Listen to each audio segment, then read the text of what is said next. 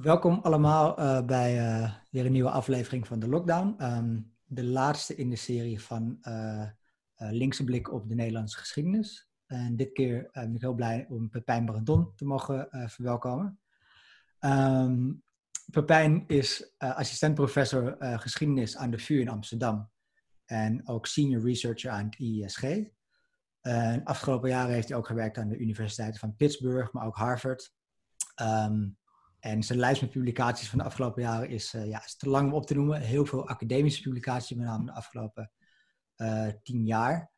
Uh, maar ook in 2006 begon het al met de vertaling van Rosa Luxemburgs Hervorming of Revolutie.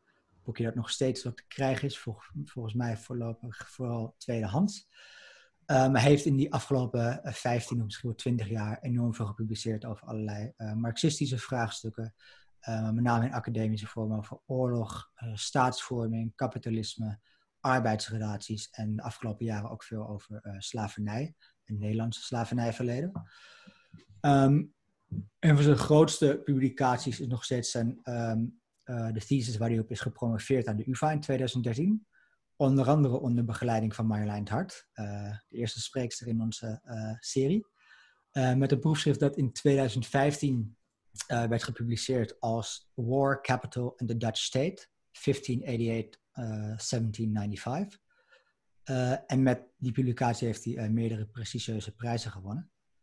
De paperback versie hiervan bij Haymarket Books uit 2017 is nog steeds te krijgen bij het Fort van Chaco in Amsterdam. daar zullen we ook een link naar plaatsen in de, in de show notes. Um, en heel belangrijk, uh, Pepijn, en daar kennen sommigen van jullie misschien wel van uit de media, uh, was het afgelopen jaar een van de onderzoeksleiders uh, van het grote Amsterdam-onderzoek naar de rol van de slavenhandel en slavernij in de geschiedenis en rijkdom van de stad. Um, dus dit boek, en daar zullen we een tweede deel um, van vandaag nog over komen te spreken.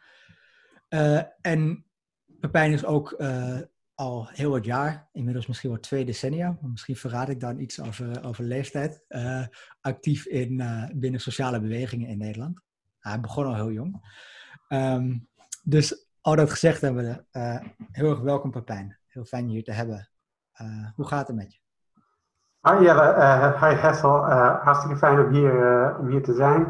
Um, het, gaat, het gaat goed. Um, hoe was de corona periode zitten we natuurlijk nog steeds in. Hoe is het voor jou geweest? Ja, net zo bizar als uh, voor iedereen, uh, denk ik. Ik, um, um, ik geef ondertussen druk onderwijs via Zoom.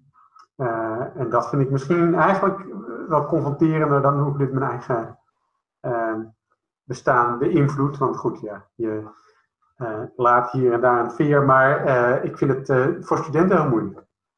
Eh, deze periode. Dat, en ik geef het ze te doen om online zo een hele studie hier te doorlopen. Dat, dat baart mij zorgen. En, maar, ehm, ehm, maar goed, dat gezegd hebben, met mij gaat het verder prima. Ja, ja nee, dat is inderdaad iets waar, uh, wat veel, uh, veel um, sprekers ook horen. Dat met name het lesgeven gewoon eh, heel erg zwaar is voor zowel docenten als studenten. Ja, ja. ja en de, de, uh, ik denk toch dat er te veel de houding is. Uh, nou, zolang mensen hun punten halen, is het uh, goed. ik denk dat je toch een soort van um, holistische opvatting moet hebben over wat onderwijs um, moet doen voor mensen. En dan is het, zolang je iets leert en daar ook uh, gelukkig van wordt, is, het, uh, is het goed. En als die combinatie er niet is, dan moeten we ons denk ik heel zorgen maken. En dan moeten we ons vragen stellen en misschien dingen anders inrichten. Um, en daarin denk ik dat er, daar zouden we veel beter kunnen doen dan we het nu doen. Exact.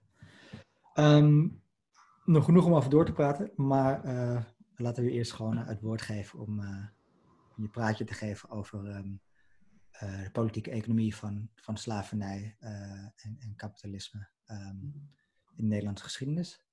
Uh, voor mij gewoon eerst wat, wat algemene inleidende opmerkingen voor jou en dan vervolgen wij gewoon wat vragen waarop we over verder kunnen praten. Um, dus Hessel en ik gaan onszelf uit beeld toveren. En we zien je zo meteen als, als je klaar bent. Prima. Okay. Even kijken hoe dit dan werkt. Ja, jullie zijn uit beeld. Um, en ik hoop dat we straks, als jullie terug zijn, dat we hier een echt gesprek over kunnen maken.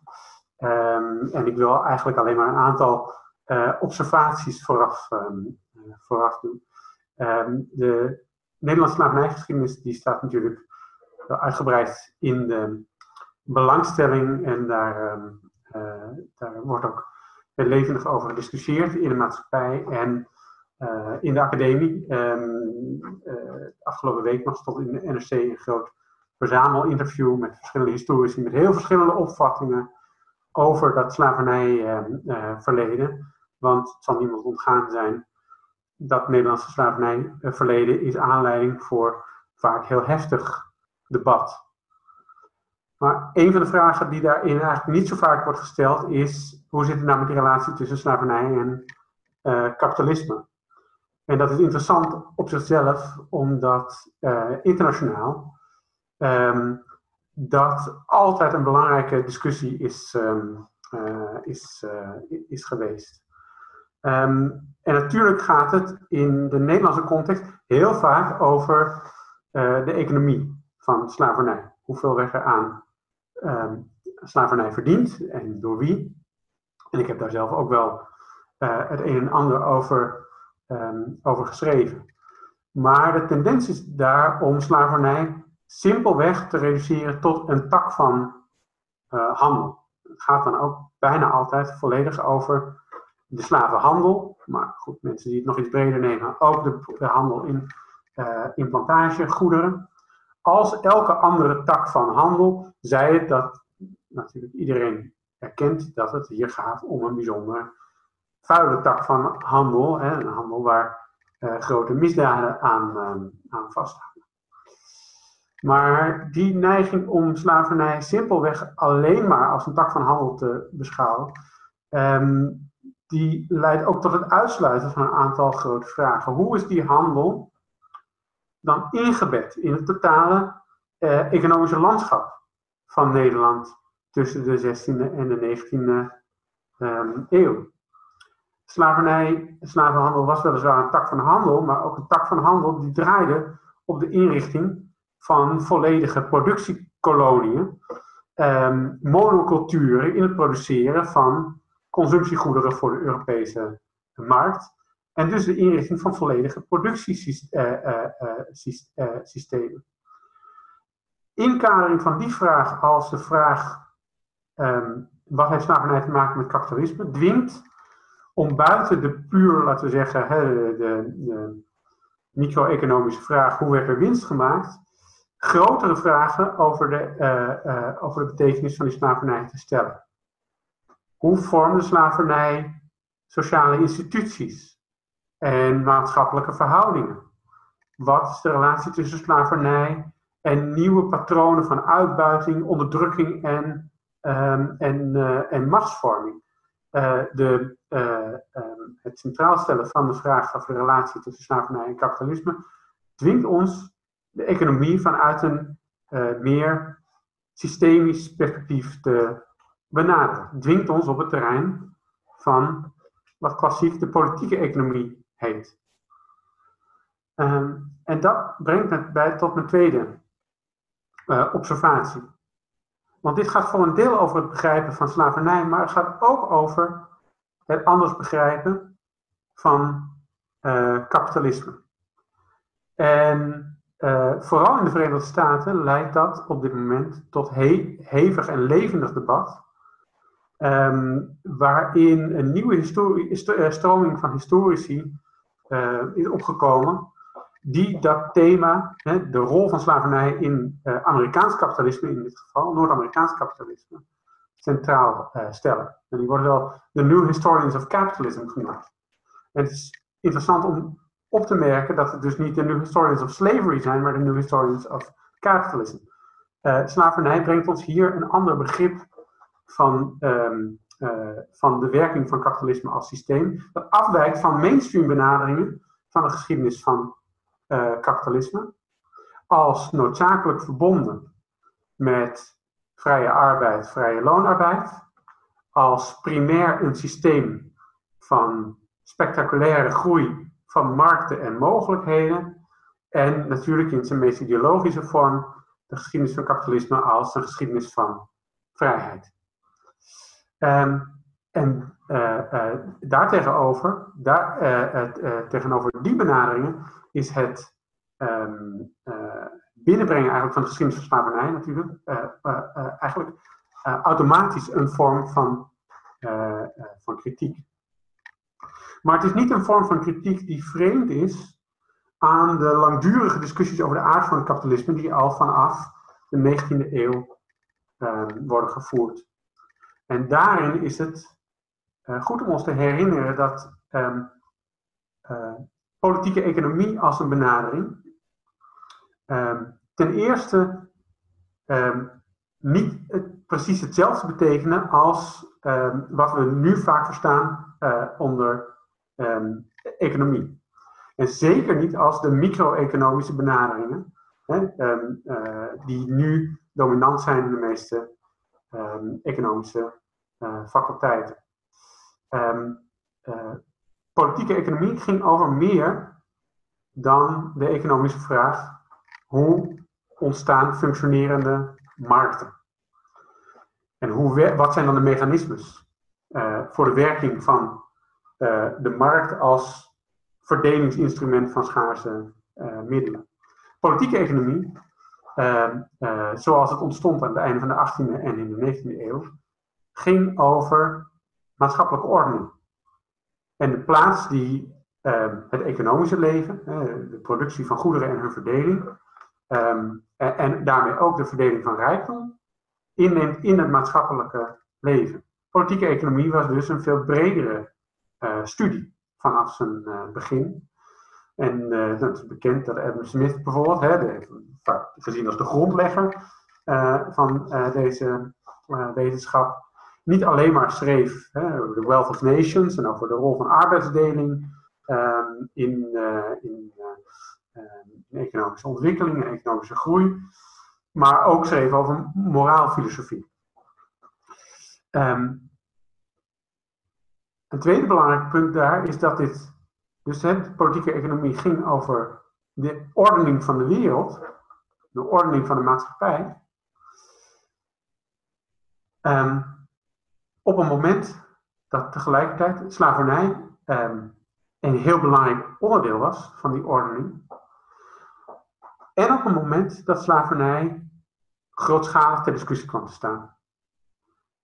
En daarbij moeten we altijd in ons achterhoofd houden. Eh, slaafgemaakte zelf uh, stelde op allerlei manieren slavernij altijd ter discussie. Maar het gaat erom dat nu, aan het einde van de 18e eeuw, Ehm, die eh, eh, de discussie over de rechtvaardigheid van de slavernij eh, ook in Europa doordrong.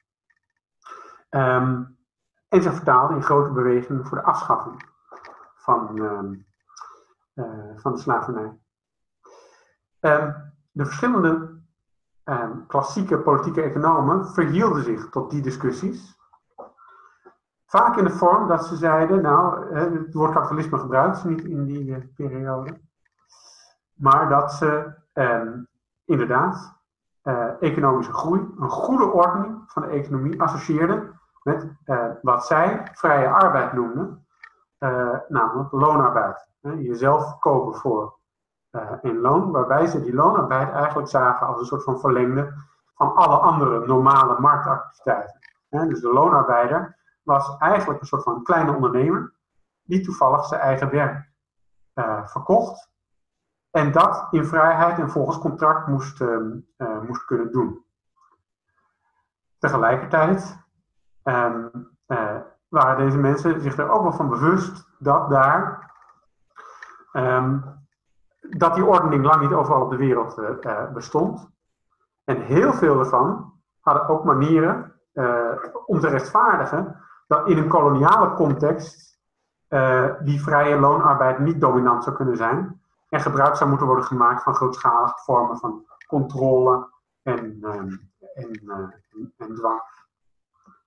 Maar goed, die discussie, uh, hoe hangt slavernij dan samen met een goede ordening van de economie en uiteindelijk hè, vertaald in hoe hangt uh, slavernij dan samen met kapitalistische ontwikkeling, um, die leefde dus heel um, sterk onder die politieke econoom.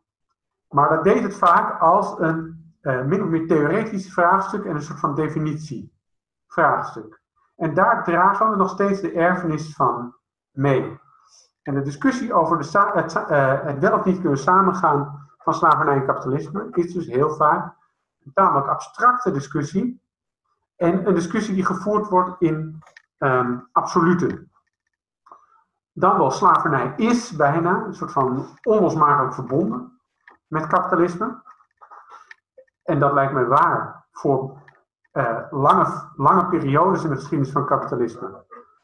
Maar niet een algemene wet, anders uh, valt niet te begrijpen hoe voor een aantal belangrijke kapitalistische mogendheden uh, hun grootste economische bloei begon nadat de slavernij was afgeschaft. Dus kapitalisme gaat duidelijk in sommige, sommige momenten wel samen met slavernij en op andere momenten, uh, momenten niet. Um, um, maar ofwel uh, het, het gaat samen, ofwel ze sluiten elkaar uit, omdat kapitalisme per definitie een systeem is gebaseerd op vrije loonarbeid. Um, dan wel in een meer ideologische vorm. vrijheid als, als zodanig. Nou, daar komen natuurlijk het belangrijke critici van het kapitalisme um, kijken. Die zochten naar een benadering van uh, het kapitalisme die historiserend is. Die begrijpt waarom kapitalisme zich als systeem um, over de tijd um, ontwikkelt. En mogelijk ook als systeem eindig is. Een daarvan, de bekendste, is natuurlijk Marx. Maar heel veel anderen, ook niet-Marxisten, hebben nagedacht over dat vraagstuk. Hoe past kapitalisme, um, hoe past slavernij uh, in historisch kapitalisme? En het bekendste daarvan uh, is uh, R. Williams, een belangrijke denker in de Caribische um, onafhankelijkheidsbewegingen en de auteur in, van het in 1944 verschenen boek Capitalism en, um, en Slavery.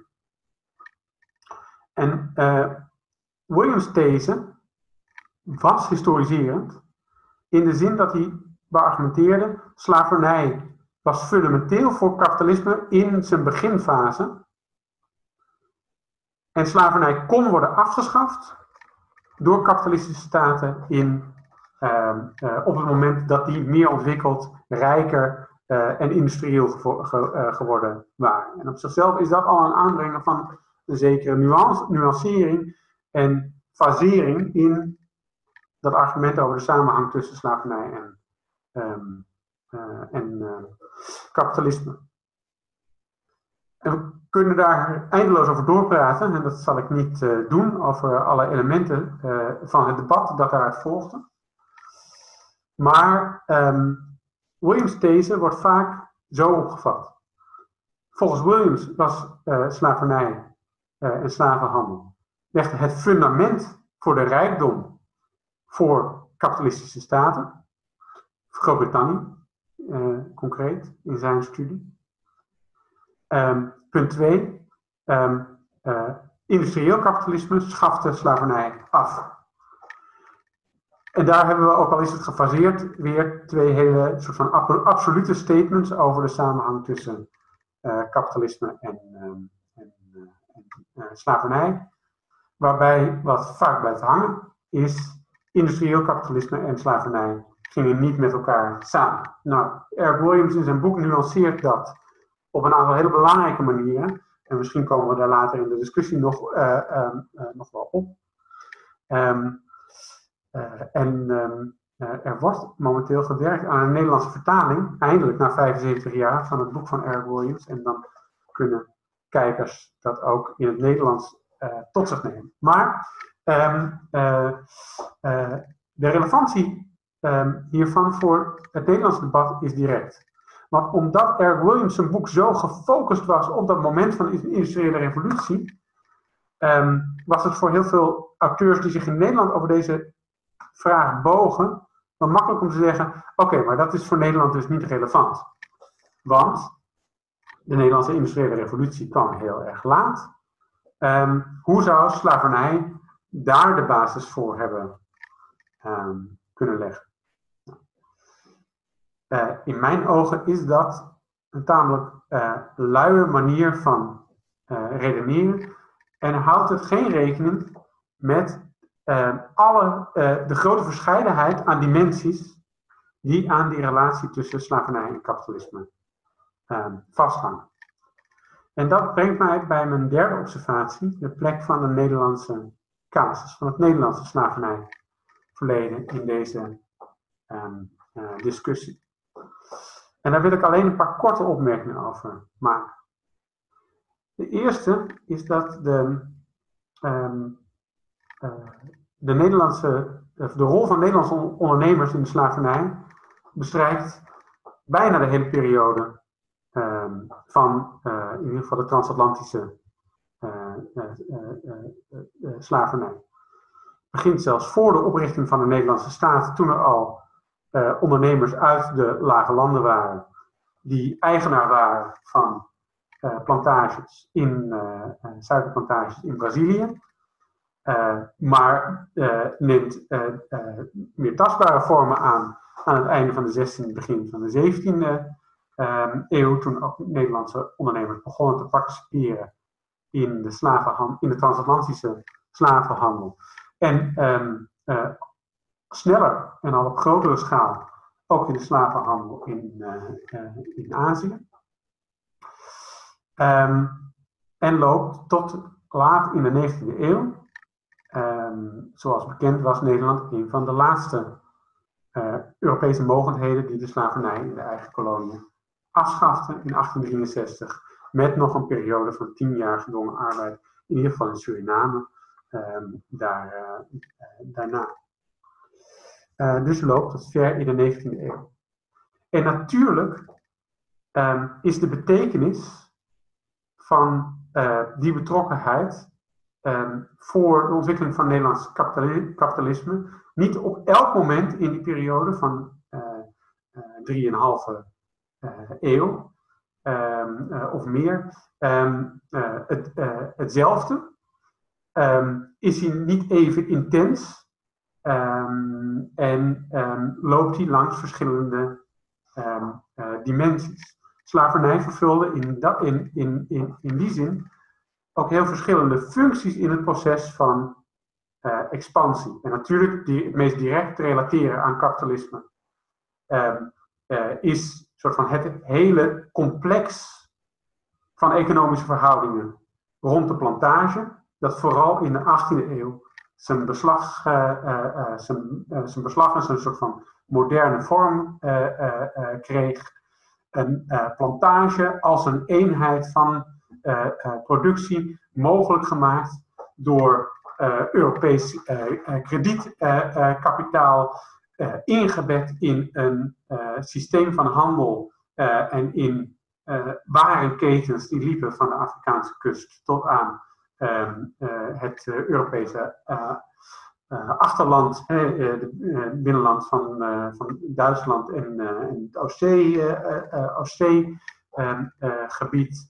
Ehm, de plantage zelf onderdeel van koloniën die puur georganiseerd waren rond uh, rond uh, winstbejag. En daar lijkt mij de verhouding tot kapitalistische ontwikkeling um, het meest expliciet. En dat is over het algemeen de context waarin die discussie wordt gevoerd. Um, maar slavernij had in eerdere fases ook belangrijke functies als strategisch wapen in verovering Um, uh, en het sterkste voorbeeld daarvan misschien is uh, wel, een van, is eigenlijk de eerste uh, kolonie die door um, Nederlandse ondernemers als, als volledige op slavernij gebaseerde kolonie werd ingericht, namelijk de kolonie op de Banda-eilanden. Waar ehm, in 1621 onder Jan Pieters van Koen, zoals bekend, ehm, praktisch de, de hele lokale bevolking dan wel werd, over de kling werd gejaagd, dan wel werd verdreven. om vervolgens de, het Noordmuskaat, waar de Verenigde Oost-Indische Compagnie op te doen was, te laten oogsten op zogenaamde perken, een ander woord van plantages, dus uh, tuinen, beheerd door Nederlandse perkeniers, um, die daarvoor tot slaafgemaakte Afrikanen en Aziaten kregen aangeleverd. Um, natuurlijk diende die verovering een economisch doel, namelijk hè, het veroveren van een monopolie in de handel op nootmuskaat en, uh, en een foelie. Uh, maar de reden waarom gekozen werd voor slavernij, zou ik beargumenteren in deze context, ging niet primair erom dat er de gedachte was dat slavernij economisch beter zou zijn dan andere vormen van gedwongen arbeid. Of makkelijker in te richten dan andere vormen van gedwongen arbeid. Maar ging wezenlijk om de absolute controle die een slavernijsysteem, uh, Nederlandse ondernemers en de compagnie uh, daarachter gaf over het productiesysteem en de daarbij horende leverantie van, uh, van, van, van specerijen. En slavernij ontnam de lokale bevolking de mogelijkheid, de manoeuvreerruimte, om zaken te doen met anderen dan de Nederlanders. In die zin functioneert de slavernij hier niet simpelweg alleen maar als een productiesysteem, maar ook als een, um, uh, een strategisch wapen in de strijd van de compagnie tegen de lokale bevolking en de strijd van de compagnie tegen Europese, um, Europese uh, concurrenten. Um, een derde punt naast de langdurige betrokkenheid van Nederland bij de slavernij en de, uh, het, het, feit dat dit soort van meer dan één functie had in het proces van kapitalistische ontwikkeling. Een derde punt daarbij dat de Nederlandse casus extra interessant maakt, is dat anders dan voor veel andere Europese mogelijkheden, die vooral investeerden in grootschalige betrokkenheid bij slavernij in de Atlantische wereld, en iets minder betrokken waren bij slavernij in, uh, in Azië, voor, dat voor Nederland die twee uh, uh, die twee, delen van de wereld um, allebei een, uh, een, belangrijke rol speelt. En dat is natuurlijk um, de afgelopen jaren veel duidelijker geworden in het Nederlands debat. Dus eindelijk ook veel meer aandacht voor slavernij onder de VOC en later in, in de 19e eeuw in Nederlands-Indië. Um, onder andere door het werk van Matthias van Rossum hierover. Um, en dat is een. Um, um, dat stelt ons in staat om nog over een aantal andere vraagstukken te, uh, uh, uh, na te denken. En ook het feit dat die bijdrage van slavernij aan kapitalisme niet op elke plek in de wereld per se hetzelfde georganiseerd hoefde, hoefde te zijn. in de loop van de tijd werd de plantage de dominant, het dominante productie, uh, uh, productieeenheid in belangrijke Atlantische koloniën voor van, uh, van Nederland, vooral Suriname, Essequibo, Demerara en Berbice. Um, um, in de delen van Azië was de plantage ook centraal in, productie, in, de productie, maar lang niet in alle. Slavernij kwam veel voor in de context van kleinschalige, uh, door Aziatische ondernemers georganiseerde productie, waar de VOC alleen maar afroomde. Um, met andere woorden, het model van winst maken uit slavernij um, was niet wereldwijd uh, um, homogeen.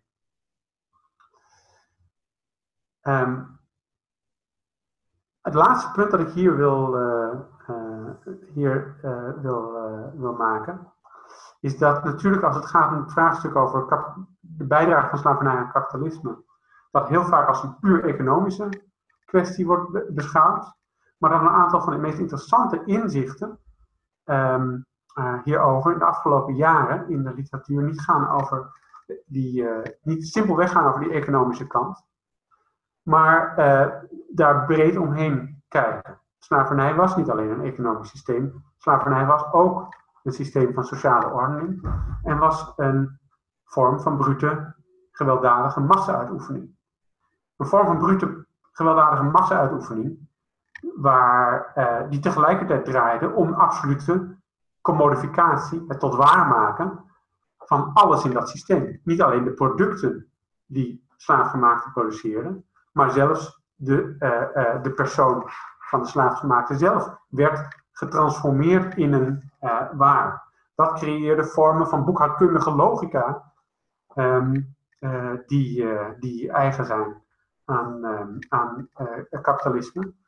En stimuleerde systemen van ordening systemen van ordening van de natuur, um, systemen van ordening van productie en in dit geval systemen van ordening van, van, van, van mensen. Um, juist in de 18e eeuw, juist op momenten dat het systeem tegelijkertijd een staat van rijpheid kreeg in zijn functie voor een Europese economische expansie, en waarin de kritiek op dat systeem steeds explicieter werd, ontwikkelden zich daarom ook steeds hardere ideeën over um, de raciale rechtvaardiging van, uh, uh, van uh, slavernij. In die zin um, helpt het stellen van de vraag naar de relatie tussen slavernij en kapitalisme, brengt ook een ander aspect in, dat bijvoorbeeld in Noord-Amerika uitgebreid gediscussieerd wordt, maar in de Nederlandse context bijna nooit, namelijk in hoeverre was dat kapitalisme ook in vorm van racial kapitalisme. Hoe fundamenteel was racisme, waren ideeën over de onderschikking van de ene persoon uh, onder, uh, onder de andere op basis van, van herkomst of de fictie ras. In hoeverre was dat onderdeel van, um, van het creëren van deze nieuwe sociale orde? Goed, dat was observatie 3. En dan als laatste observatie, voordat we hierover in gesprek kunnen, um, is dat um, nadenken over slavernij als een afgedwongen, gecreëerde, door de staat en ondernemers samengemaakte vorm van, um, uh, van sociale ordening, dwingt ook om na te denken over de plaats van verzet. Waar zit hier de agency van de slaafgemaakte? Ik zou zeggen, die agency was er um, in alles. In alles was er weerwoord, altijd, van de slaafgemaakte. En ik heb vanochtend met um, uh, mijn studenten gekeken naar bronnen van de Middle Passage de, de uh, ontvoering van mensen van de kust van West-Afrika naar de Amerika's. En zelfs in de extreem onderdrukkende omstandigheden van het slavenschip kwamen mensen op voor hun eigen menselijkheid. Uh, dat is er altijd in de context van uh, slavernij. Uh, maar bij elkaar opgeteld leidt dat ook op allerlei plekken en op allerlei manieren tot grootschalig verzet. En dat grootschalig uh, verzet kon de vorm aannemen van massale marronage, weglopen van de plantages in uh, Suriname. En gewapende strijd vervolgens, guerrilla-strijd. Van een deel van die Maron-gemeenschappen tegen de koloniale uh, macht. Of van grootschalige slavenopstanden, die ook in het Nederlandse Atlantische Rijk eh, eh, bestonden, en, eh, maar vaak zijn vergeten van de opstand van Tula op Curaçao in 1795 tot de grootschalige opstand in Berbice in 1762, 1763, waar binnenkort een prachtig boek over uitkomt van Marjoleine, um, Kars in Nederlandse vertaling. Uh, um, die opstanden hielpen de druk creëren die van slavernij een omstreden fenomeen maakten. Ehm, en die opstanders stelden ook concrete grenzen aan het model um, van op slavernij gebaseerde um, accumulatie. tot het punt waar revolutie in Haiti en later de vergaande destabilisering van het slavernijsysteem uh, uh, door nieuwe opstanden en door een soort van uh, morele verzet tegen de slavernij ehm, in slavenmaatschappijen zelf en in Europa, uh, dat systeem uh, steeds verder onder druk kwam, kwam, te staan. Um, nadenken over de verhouding kapitalisme en slavernij um, dwingt ons na te denken over de plek van agency en van verzet. Het dwingt ons ook na te denken over de erfenissen van slavernij. Ik noemde al nadenken over racial capitalism als fenomeen uh, uh, daarbinnen. Maar er is ook een andere manier waarop um, uh, dan um, in die, nou ja, die, die, ontzettend belangrijke kwestie van hè, de, de, de wortels van racisme, waarin dit, die, die, systemische kant, denk ik, van, van belang is. Um, en dat is om te begrijpen dat met de afschaffing van slavernij niet simpelweg um, uh, um, dit hoofdstuk in de geschiedenis van het kapitalisme was afgesloten. Dat de afschaffing van slavernij eigenlijk voor alle Europese landen samengaat met een uitbreiding van hun koloniale, hè, koloniale rijk. Valt in een periode van koloniale expansie, niet van koloniale krimp. En in de discussies over de afschaffing van de slavernij en over emancipatie speelde daarmee um, heel fundamenteel de vraag rond welke vorm van ordening wordt er dan, moet er dan worden afgedwongen in de koloniale context om te zorgen dat, die koloniale, dat wij aan die koloniale context blijven verdienen. En dat helpt verklaren waarom de afschaffing van slavernij nergens eigenlijk het fundament legde voor een eenvoudige overgang, een makkelijke transitie naar die vrije loonarbeid waarvan liberale theoretici claimden en claimen dat die fundamenteel is voor kapitalisme, maar bijna altijd um, de, uh, de plek bood uh, voor het invoeren van nieuwe vormen van gedwongen arbeid. Um, en daar wilde ik het bij laten voor wat betreft mijn algemene observaties. En ik ben benieuwd naar jullie suggesties, opmerkingen en vragen. Zo. Dankjewel, Pepijn. Ja, heel interessant. Dat was uh, nog uitgebreider en gedetailleerder dan ik had verwacht. Um, en uh, het zou heel moeilijk zijn uh, elk onderdeel ervan eer aan te doen. Um, daar zouden we heel veel uur voor nodig hebben. Um, maar we gaan een poging wagen in ieder geval op een aantal punten wat dieper in te gaan. Um, maar ja, het eerst nogmaals bedankt. Het was echt uh, um, super interessant en zet uh, aan tot nadenken op heel veel uh, vlakken. en ik denk het meest interessante aan, aan je praatje en ook het ongepubliceerde essay dat, dat je ons vooraf had opgestuurd. En misschien wel gewoon het nieuwe denken en schrijven over um, deze onderwerpen. Zodat het een veel dynamischere aanpak is um, dan uh, voorheen. Uh, dus veel minder binaire tegenstellingen, veel minder scherp afgebakende uh, systemen of, of, of, thema's tegenover elkaar. Um, en misschien uh, kunnen we bepaalde dingen, uh, kunnen we beginnen met bepaalde dingen wat tastbaarder maken voor, uh, voor de luisteraars. zeker, die, zeker luisteraars zonder achtergrond in, deze, um, in deze geschiedenis.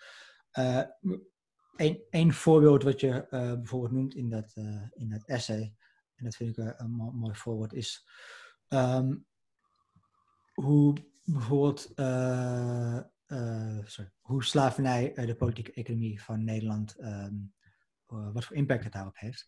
en als voorbeeld geef je bijvoorbeeld hoe de eerste West-Indische compagnie in 1674 failliet gaat, die daar die decennia daarvoor een poging doet gedeeltelijk succesvol om delen van Brazilië te veroveren, daar plantages met slavenhandel op te zetten en winst uit te halen, maar dus in 1674 failliet gaat. wat een excuus zou kunnen zijn om te zeggen: kijk, het had allemaal uiteindelijk weinig impact. Ehm, maar tegelijkertijd werden er wel enorm veel privéhandelaren rijk. Er werden allerlei netwerken uitgebouwd, handelsroutes verstevigd of gedeeltelijk overgenomen van andere mogendheden. Het aandeel in de internationale goederenhandel uh, uitgebreid en ook gedeeltelijk overgenomen van andere rijken. Dus het heeft zo'n zo'n vrij afgebaakt onderwerp lijkt alsnog uh, een vrij uitgebreide impact te hebben, die moeilijk te traceren is, maar wel heel belangrijk is. Uh, en niet echt, um, zich niet echt leent voor een binaire uh, aanpak van oké, hebben Nederlanders daar heel veel winst gemaakt? Nee, ze zijn failliet gegaan. Maar uiteindelijk is de impact dus heel anders. Ja. Het, um, waar dit mee te maken heeft, is dat um, elke nationale historiografie, elke soort van um, elke land dat zijn eigen geschiedenis uh, schrijft, heeft daarin zijn eigen fetiches, heeft zijn eigen, zijn eigen uh, vaststaande elementen die daarin terug horen te komen. En in de Nederlandse, zeker economische geschiedenis van de 17e en 18e eeuw, is natuurlijk de West-Indische Compagnie en de uh, Verenigde Oost-Indische Compagnie. die handelscompagnieën staan compleet centraal, traditioneel in ehm, de geschiedschrijving van een soort van de Nederlandse expansie. En dat is ook omdat ze daar een hele belangrijke rol in speelden. dat, dat ehm, ehm, eh, opgericht als monopoliemaatschappijen met de zegen van de, van de staat. En dus kijken naar die handelscompagnieën stelt je in staat om een deel van de, die geschiedenis van expansie te begrijpen. Wat het je niet goed helpt te begrijpen, is, um, uh, is wat de rol is vervolgens van private ondernemers die um, uh, bij die compagnieën betrokken zijn. Voor een deel onder de duif schieten van die uh, compagnieën. Hè, de, de monopolieregels omzeilden. Er bestond een wereld voor beide compagnieën. En nou, die wereld, die zeker in het publieke debat, is daar natuurlijk heel erg weinig um, heel erg zicht op. Dat, dat, um, want voor het publieke debat, de slavernij gaat over de, het optreden van de West-Indische Compagnie, voornamelijk. En dan weten we nu dat de Verenigde Oost-Indische Compagnie daar ook een rol in speelt. Het voorbeeld dat je noemt van Brazilië geeft heel goed aan waarom je dat zeg maar, complexer moet begrijpen. En historici die schrijven over Nederlands-Brazilië, die weten dat overigens al heel erg lang. Hè, want in die literatuur komt dat heel erg goed ook terug.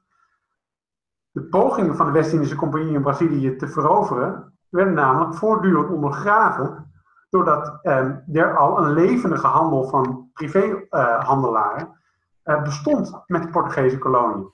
Dus er was een handel buiten de West-Indische Compagnie om. En er was voortdurend getouwtrek, inclusief getouwtrek tussen de verschillende kamers van de West-Indische Compagnie zelf, binnen de compagnie, over um, uh, of uh, private handelaren zelf hun handeltje mochten houden of dat, dat allemaal moest worden ondergebracht bij de, uh, bij de WIC. Daarover was continu conflict. Um, de korte samenvatting hiervan is dat dus een boekhouding, een winst- of verliesrekening van de West-Indische Compagnie alleen vertelt je niet zoveel over de Nederlandse winsten in Brazilië.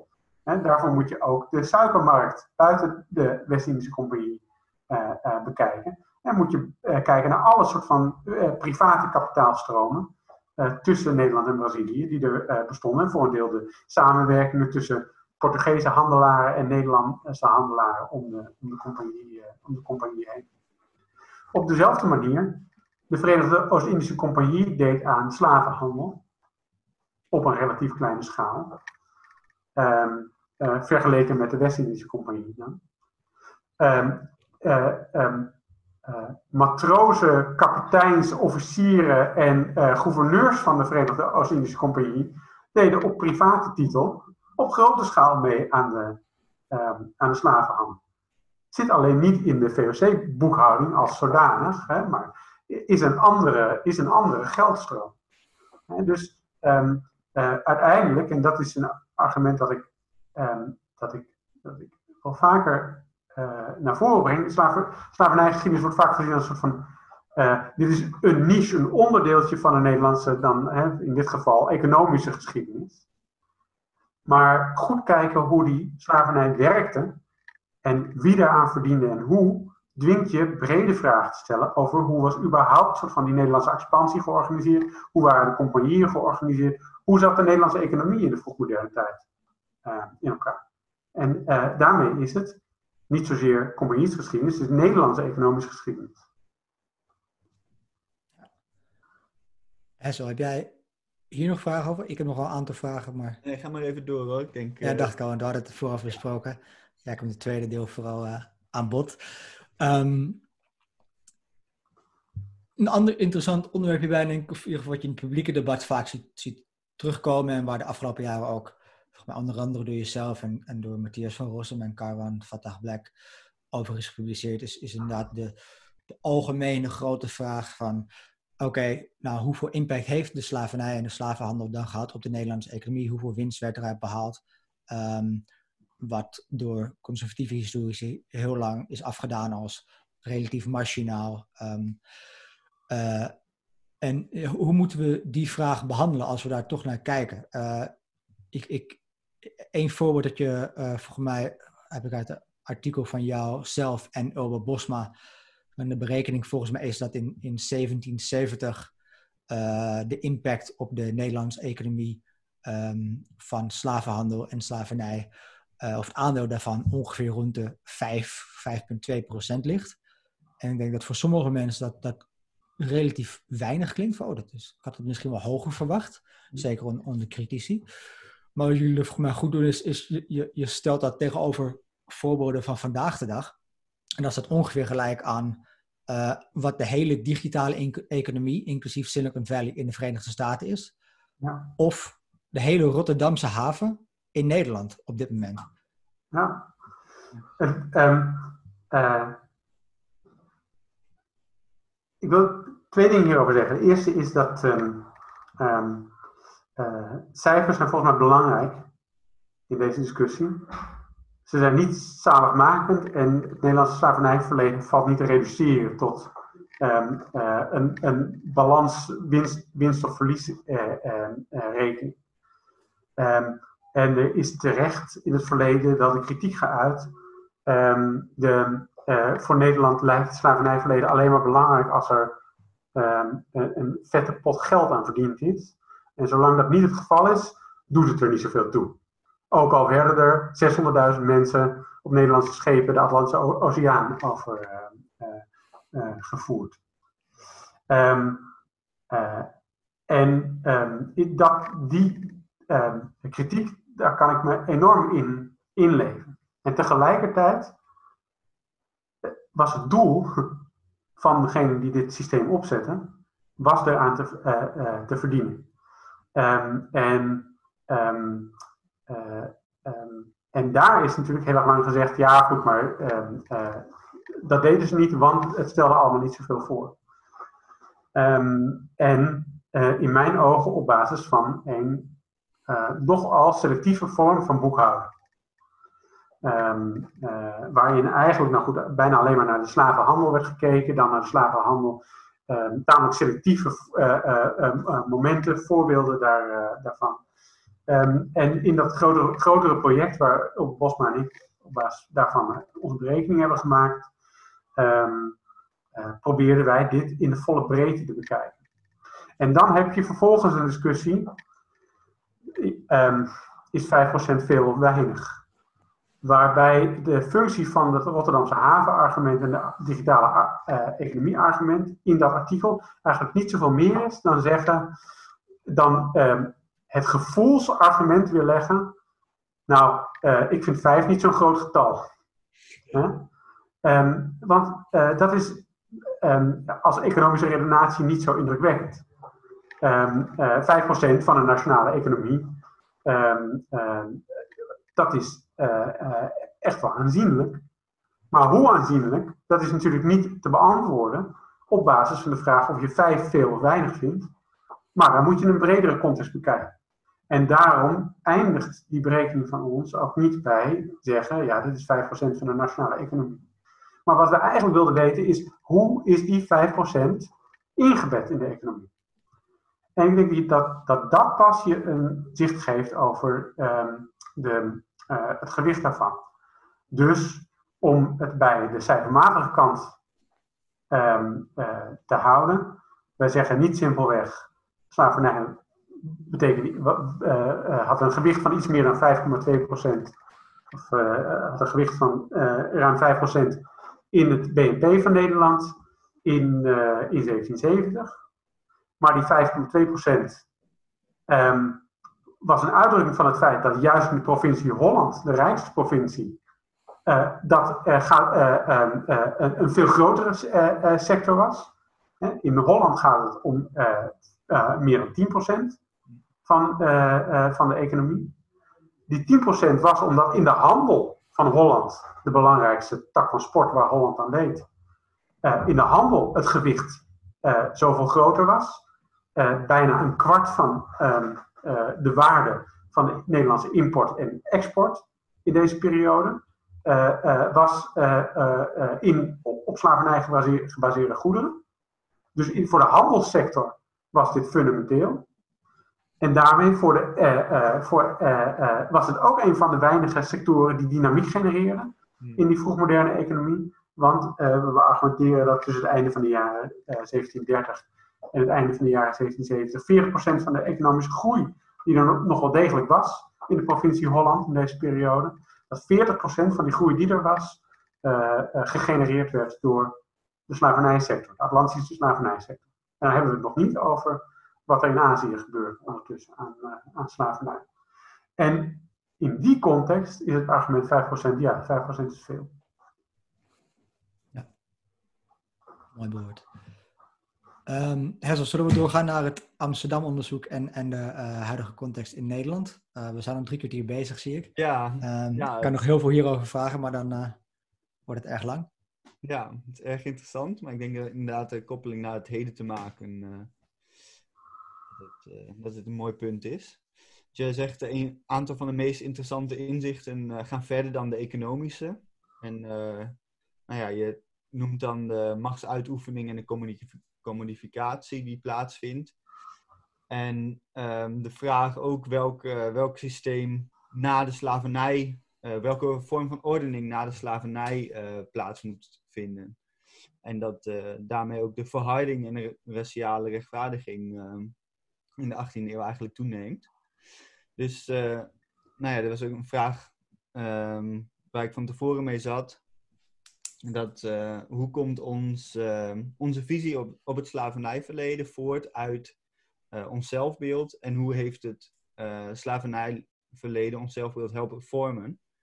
Ik denk dat, nou ja, vanaf dat ik een beetje politiek, actief ben tijdens de VOC-mentaliteit uit speeches van Balken en tot aan nu Jerry Baudet die de, nee, de VOC en onze helden zo, zo fanatiek verdedigt.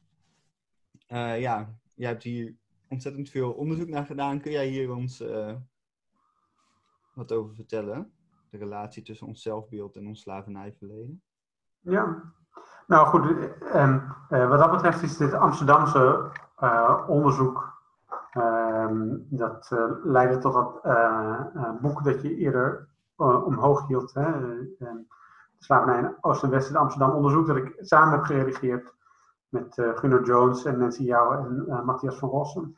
Um, uh, dat gaat natuurlijk voor een deel over kantelend zelfbeeld. Weliswaar niet het Nederlandse zelfbeeld, maar het Amsterdamse. Maar daar zit een aardige um, over, overlap in. Waarbij natuurlijk in het Amsterdamse zelfbeeld, ja, wat is Amsterdam voor stad? Een wereldstad. Um, een stad van handel, een stad van tolerantie, en van, uh, van vrijheid. Um, een populair, er is een, uh, een populair uh, boek van Russell Shorto, Amsterdam, the most liberal city of the world. Um, en dat is natuurlijk het beeld dat Amsterdam van zichzelf heeft en, van, en, en, en altijd over zichzelf heeft um, uitgedragen. ehm, het is ergens het beeld dat, nou ja, minus de tolerantie, want daar waren ze in die tijd niet, niet, niet zo van. Maar in de 17e eeuw um, wilde Amsterdam zichzelf wel degelijk presenteren als dat centrum van de wereld. Nou, eigenlijk ons argument is, daar hoort slavernij onlosmakelijk bij. Dat kan je daar niet uit, uh, uit, wegdenken. Nou ja, en dat dwingt je eigenlijk pas om dan echt na te denken over, goed, waar lagen de grenzen van uh, vrijheid, tolerantie um, uh, enzovoort. Het is eigenlijk een dwang om na te denken over de contradicties uh, hier, uh, hiervan. Want het is natuurlijk één ding om te zeggen, nou goed, die tolerantie die ging niet zo ver. Ik denk ook dat dat waar is, overigens. Dat, dat historisch onderzoek dat, dat, dat goed laat, laat zien. Maar in feite moet je nadenken over hoe konden die dingen dan samengaan. Die openheid voor de wereld aan de ene kant. Uh, en claims op soort van he, uh, wel degelijk om, uh, op een, de, de, de, claim op vrijheid. En aan de andere kant grootschalige betrokkenheid in, in, in, slavernij. En voor een deel komt daar dat vraagstuk over um, racialisering eigenlijk ook wel heel snel al, al in. Want fundamenteel denk ik dat elke vorm van slavernij uh, gebaseerd is op specifieke rechtvaardigingen over waarom de ene mens tot slaaf gemaakt kan worden en de andere, um, en de andere niet. Die hoeven niet altijd even expliciet gemaakt te worden. En dat is denk ik ook een constante dat je, die, die je kan waarnemen. Dat de momenten waarop die rechtvaardigingen het meest expliciet gemaakt worden, zijn de momenten van, uh, van de scherpste kritiek op dat systeem. En dan zijn mensen gedwongen om uit te leggen waarom, uh, waarom de ene mens wel en de andere mens, uh, de andere mens niet. Um, en hier komt dan een tweede belangrijk punt in je punt over het zelfbeeld. Want, want, um, um, want voor veel mensen die zullen zeggen, goed, maar we wisten eigenlijk wel dat er allerlei nare kanten waren aan die handel in de 17e en 18e eeuw. Dat was ook een andere tijd. Nou, dat komt er dan vaak achteraan. Maar goed, de zwarte bladzijde in de geschiedenis. Het punt aan zwarte bladzijden is dat je ze omslaat en dat je dan alleen nog maar witte bladzijden. Uh, dat je dan weer op de witte bladzijde bent. Terwijl de interessante vraag is, ja, hoe zijn die met elkaar verbonden? Maar een ander aspect is dat het dus heel erg gekoppeld is aan een ver weg verleden. Um, dit hoort bij uh, Nederland in zijn wordingstijd. Dus hoort bij de 17e en de 18e eeuw uh, en niet bij de moderne tijd. Hè? Het is verleden, maar het is vervolgens afgesloten in onze ontwikkeling naar een moderne samenleving. En daar is eigenlijk die 19e eeuwse slavernijgeschiedenis uh, wordt pas echt zo belangrijk. Um, omdat uh, dat je ermee confronteert dat er, uh, de overgang naar een moderne tijd en de overgang naar een soort van uh, nieuwe democratische versie van de grondwet enzovoort, dat dat allemaal niet in een tijd valt waarin slavernij werd afgeschaft, maar in een tijd dat mensen met hand en tand um, de afschaffing van de slavernij aan het voorkomen waren. Slavernij is, is laat 19e eeuwse geschiedenis voor, voor, voor Nederland. Um, en dat brengt je dus heel erg laten we zeggen, dat brengt je in de moderne tijd. Dan hebben we het niet over de VOC en de West-Indische Compagnie. Dan hebben we het over, um, uh, over uh, het uh, nieuwe koloniale mysterie dat resulteerde onder de kroon en, en verantwoording moest afleggen in de Tweede en Eerste Kamer. Dan, um, die partijen discussiëren over de inrichting van, van slavernij. Hoe is eigenlijk de ontvangst geweest nu toe van, van het onderzoek dat jullie hebben gedaan? Je hebt het in een hele korte tijd heel veel mensen bijeengebracht. Is voor mij minder dan een jaar geleden dat, nee, iets meer dan een jaar geleden dat de opdracht vanuit de Amsterdamse gemeenteraad kwam. Ja, we hebben in minder dan een jaar dat boek geproduceerd. En dat kon natuurlijk alleen maar omdat er heel veel onderzoek wordt gedaan naar slavernij. Ja. En omdat we met 40 mensen, hè, acteurs konden samenwerken die daarover uh, publiceerden. Soms um, uh, dingen die ze al decennia aan het doen zijn. En soms echt soort van onderzoek dat, uh, dat um, dat nog maar net gaande is. En, een van de auteurs ehm, begon haar PhD-onderzoek hiernaar terwijl ze onze drukproeven opstuurde. Hè. Dus dat, dat, is ook heel vers onderzoek, heel nieuw onderzoek. Maar dat onderzoek is dus heel breed.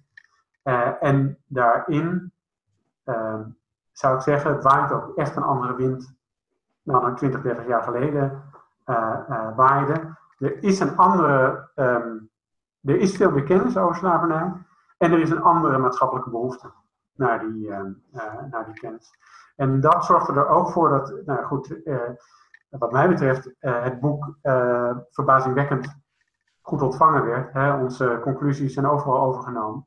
Eigenlijk niemand die zei, nou ja, deze conclusies kun je op basis van dit boek niet trekken, want, want ehm, die, ik denk ook dat het heel moeilijk is om op basis van dit boek iets anders te concluderen dan dat die Amsterdamse betrokkenheid grootschalig en uh, divers en wereldwijd en langdurig uh, was.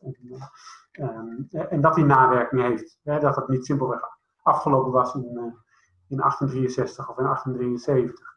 Um, dat um, werd op basis van het boek zo vanzelfsprekend gevonden dat ik geloof dat zelfs de Telegraaf en de Elsevier uh, letterlijk onze conclusies hebben afgedrukt. Nou, dat, verbaast me wel een beetje.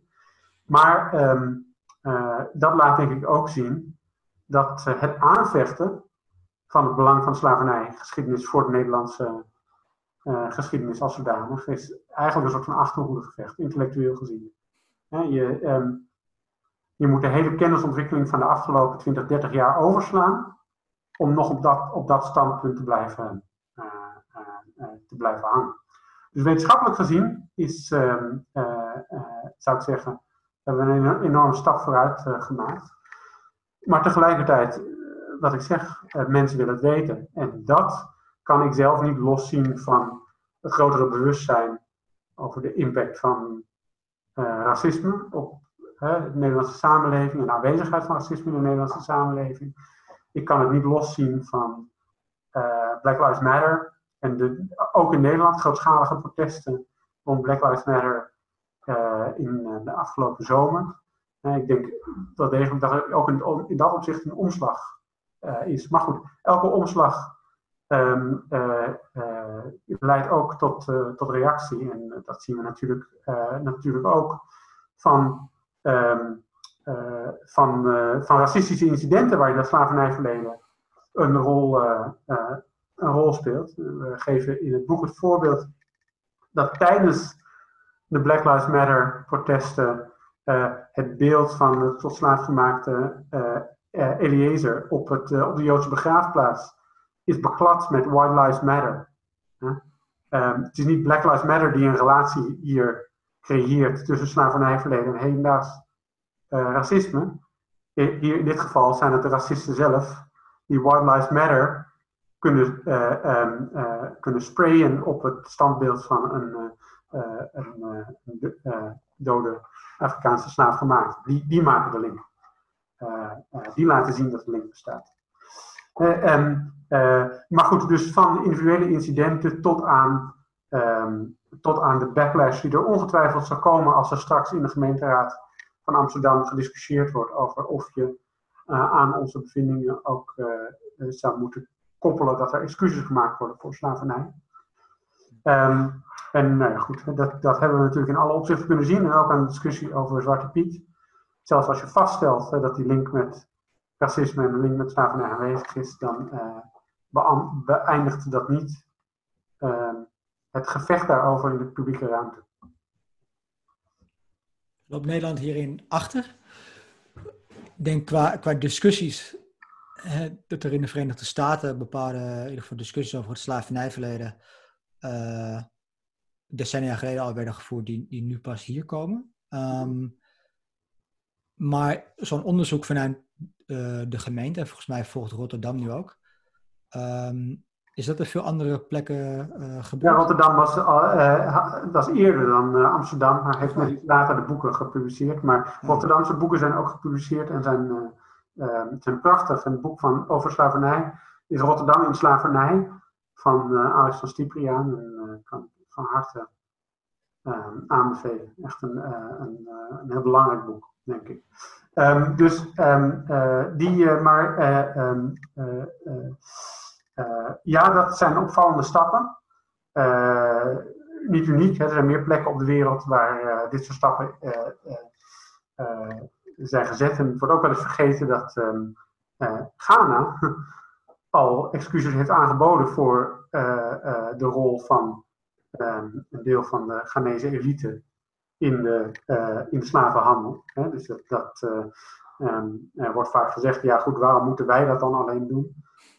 Maar, maar ook in dat opzicht is het natuurlijk een ongeïnformeerd argument. um, maar, um, maar wat mij zelf veel meer interesseert is die diepte-discussie, de fundamentele discussie over wat betekent dit dan voor het eigen verleden en wat betekent het voor het heden. En daarin zou ik zeggen dat uh, inderdaad de wetenschap in de Verenigde Staten enorm voorloopt. dat daar veel langer al over na is uh, gedacht. Voor een deel ook onder druk van de Civil Rights Movement, uh, al in de jaren 60. Hmm.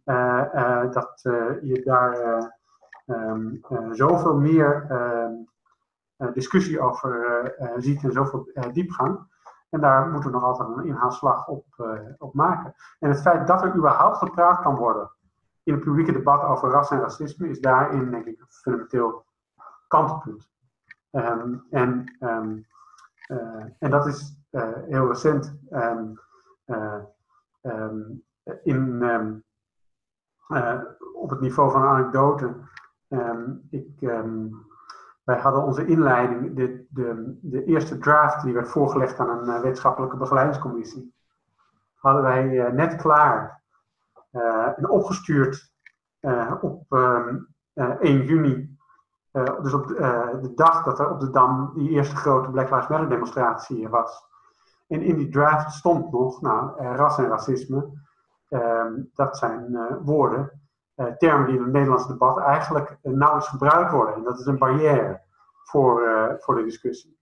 En vervolgens moesten wij de inleiding herschrijven in een maand op basis van de adviezen ook van de begeleidingscommissie. Maar dat gebeurde in een maand waar op de voorpagina van elke krant dikke koppen over racisme stonden. En de premier van Nederland zei dat er sprake is van systemisch racisme in, in, in, in, in, Nederland. Um, dus um, wij hebben daar een aantal dingen toch wel wat anders geformuleerd. maar zo recent is die, op, is die omslag eigenlijk. Ja, ook, ook op niveau van anekdotisch te blijven. Ik denk dat ook heel, voor heel veel mensen, zeker mensen met, met jaren ervaring in activisme, die demonstratie ook echt als een soort kantelpunt voelden. Het was echt een soort uniek iets dat, ik daar, dat ik naar de Dam fietste. En ik dacht, nou, nou, het is belangrijk, dus we doen het maar, ondanks corona, dit is zo belangrijk. Ja. We zullen wel weer met 200 mensen op de Dam staan. Ja. En tot mijn verbazing, vanaf het weteringscircuit zie ik tientallen, honderden mensen om me heen fietsen. Ik dacht, wat, wat gebeurt hier? Ja. En die kwamen van alle kanten. En op de Dam stonden met geen flauw idee hoeveel mensen. En iedereen die ik sprak was totaal verbaasd. En, en maar het was, ja, het was echt, echt geweldig. Ja, uh, ja. Enorm impact had dat. Nou ja, ik had dezelfde ervaring, precies ook hoe je het, uh, hoe je het beschrijft. En de, de, um, uh, de inderdaad, hey, je er naartoe slepen ondanks ook wel de, de, de angst. Ik bedoel, wij kwamen net terug uit de Verenigde Staten op dat moment. En hadden, kwamen dus min of meer uit quarantaine. Um, en en zouden nooit zomaar een grote mensenmenigte hebben opgezocht op dat moment. maar goed, toch daar met je mondkapje op en ergens aan de rand van de dam, van een bomvolle dam. Um, en goed, laat van alles zien over de snelheid van de omslag. Ook denk ik uh, toch ook iets over hoe traditioneel links in Nederland niet de vinger aan de pols heeft als het gaat om hoe erg dit thema leeft en hoe een soort van dit gevoeld wordt uh, in, uh, in gemeenschappen van kleur. Um, zeker zwarte gemeenschappen, maar lang niet alleen, want ik denk dat een van de belangrijke karaktereigenschappen van deze demonstratie was dat ze daadwerkelijk heel gemengd waren. Uh, dat er ook heel veel mensen met een Arabische of Turkse migrantenachtergrond waren. Simpelweg vanwege ehm, de realiteit van, van racisme in Nederland. Ja, ik heb nog wel een, een denk ik, afsluitende vraag. En ehm, ja, twee delen eigenlijk. Het eerste is wat, uh, kun je wat korter antwoorden, maar zijn er bepaalde delen van onze herinneringscultuur die je het liefst uh, veranderd zou zien? En hoe dan? Want je sprak kort over verzet, dus bijvoorbeeld meer uh, nou ja, straatnamen vervangen naar verzetsleiders uit die tijd of zo.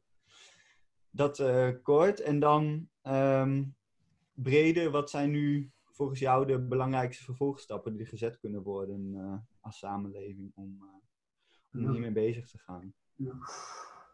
Um, uh, herinneringscultuur veranderen, um, uh, ja zeker, maar dat zou denk ik op heel veel, in, op heel veel manieren moeten uh, gebeuren. En er gebeurt ontzettend veel daarin. Ik vind zelf het heel goed en verstandig dat musea niet meer de term gouden eeuw gebruiken. bijvoorbeeld. Toen ik mijn proefschrift schreef, was het nog tamelijk onoverkomelijk en heb ik netjes overal een proefschrift Gouden Eeuw tussen aanhalingstekens gezet. Met een, een, een opening ergens in de inleiding over dat hij goud was voor sommige mensen, maar, um, maar niet voor. ik noem daar denk ik de, de noem zeker de slaafgemaakte plantages. Um, maar laten we niet vergeten, ook voor matrozen op schepen die gegezeld werden.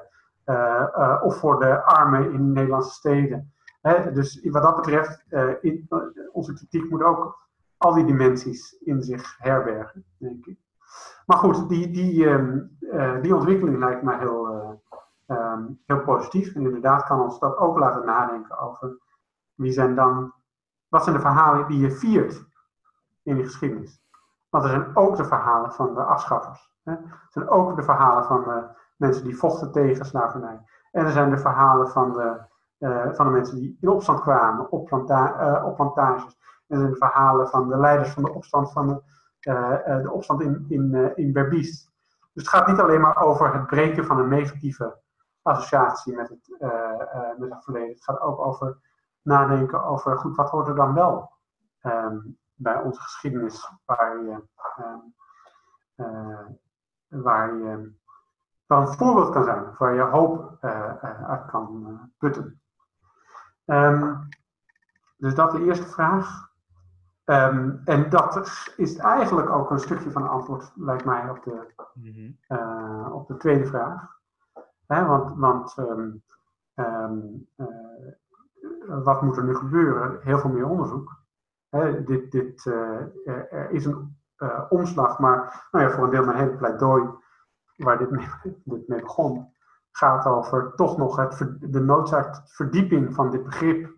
Over maar hoe plaatsen we dan dat slavernijverleden in de context van dat bredere Nederlandse verleden.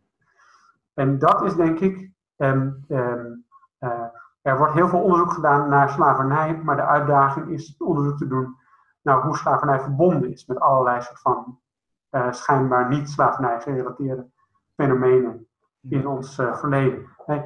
We hadden het over zelfbeeld van Amsterdam. Hoe werd het vrijheidsbegrip in Nederland gevormd?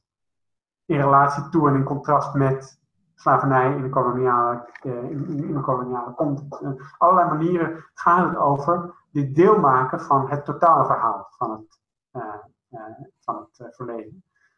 En vervolgens zorgen dat dat deel wordt van ons zelfbeeld. Dat, en dat kan dat heeft een onderwijsdimensie en het heeft een tentoonstellingsdimensie en het heeft een zelfeducatiedimensie. En, en, goed, volgens mij laat ik het is duidelijk. Ja. ja, mooi. Uh, ik heb nog heel wat vragen, maar um, we zijn al uh, meer dan een uur bezig. Um, dus ik denk dat we het uh, hierbij moeten laten. Rest mij enorm te bedanken, uh, ten eerste. Uh, ik denk dat het uh, heel veel um, aanleiding is tot, tot overdenken van allerlei onderwerpen. En misschien jonge studenten die hier naar luisteren, hopelijk aanspoort ook deze kant op te gaan. er is nu heel veel ruimte voor dit soort onderzoek. Um, meer dan als je daar twintig jaar geleden mee begon, denk ik. Ja, en we denken heel graag eh, verder met studenten over hoe ze daarin een soort van echt zelfstandig nieuw onderzoek kunnen, eh, eh, kunnen doen. Exact. Dus we zullen naar Pepijn's pagina van zijn universiteit linken, dus mail hem. Doe dat zeker. Hij heeft het nog niet druk genoeg. nou, daarvoor heb ik het nooit te druk. Um, en, en ontzettend bedankt voor de uitnodiging en voor een leuk gesprek. Ja. Ja, jij ook bedankt. Oké, okay. hartelijk dank. Tot ziens. Tot ziens allemaal.